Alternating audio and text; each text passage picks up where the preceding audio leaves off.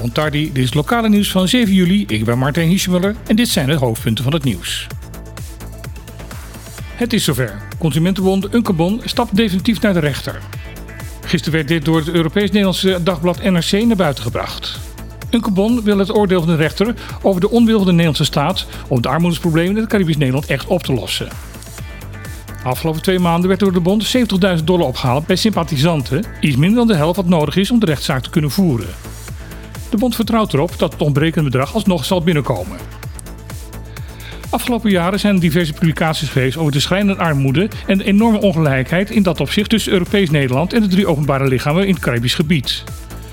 Ook de Nationale Ombudsman heeft diverse keren hier aandacht aan besteed en zelfs Kamerleden opgeroepen de flauwekul van de regering in dit opzicht niet meer te accepteren. De houding van de verschillende regeringen de afgelopen 11 jaar is in dat opzicht eigenlijk nauwelijks veranderd. Zelfs de huidige staatssecretaris Alexander van Huffelen heeft ondanks haar toezeggingen deze problemen te gaan oplossen, deze week nog een motie uit de Tweede Kamer onderraden die opriep om zo snel mogelijk tot een waardig sociaal minimum te komen in Caribisch Nederland dat vergelijkbaar is met wat in Europees Nederland gebruikelijk is.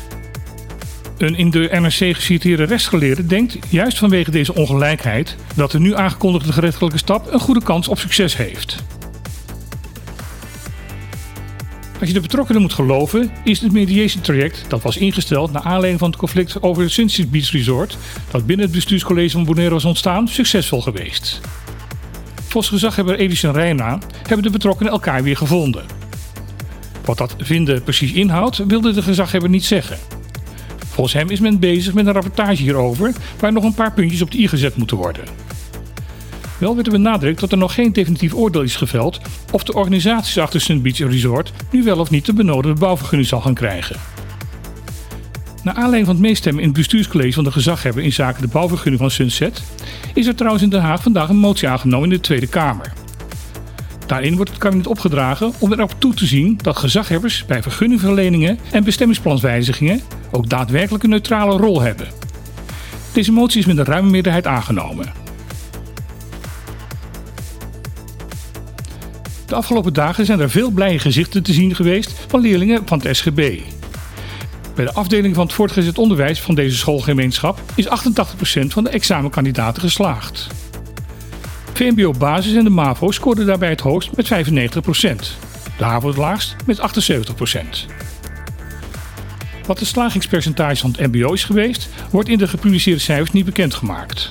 Maar op de Facebookpagina van het MBO wordt er gemeld dat er veel geslaagden zijn.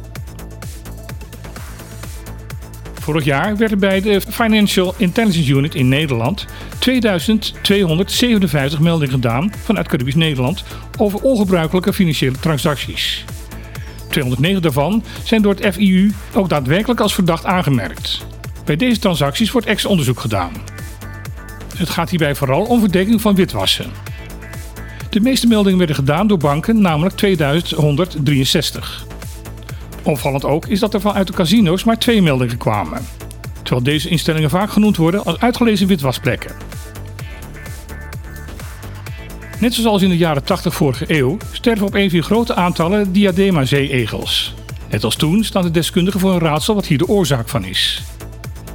Diadema-zeeegels zijn van groot belang voor het behoud van het koraal omdat dit diertje leeft van de algen die hij van het koraal afgraast. Algen die anders het koraal verstikken. Na jaren van lichte groei van het aantal zeeegels werd opeens half februari dit jaar weer grote sterfte gemeld in het Caribisch gebied. 14 maart werd de eerste melding van sterfte bij de Sint Eustatius gemeld. Later werd dit verschijnsel ook bij Curaçao gezien. Nu moet er met schrik geconstateerd worden dat ongeveer 90% van de onderzochte populatie ondertussen is verdwenen. Daarmee is de onderstaande situatie zeer ernstig.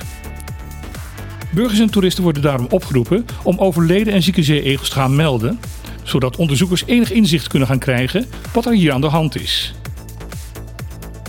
Dit was het nieuws van vandaag. Ik wens u nog een fijne dag en graag tot morgen.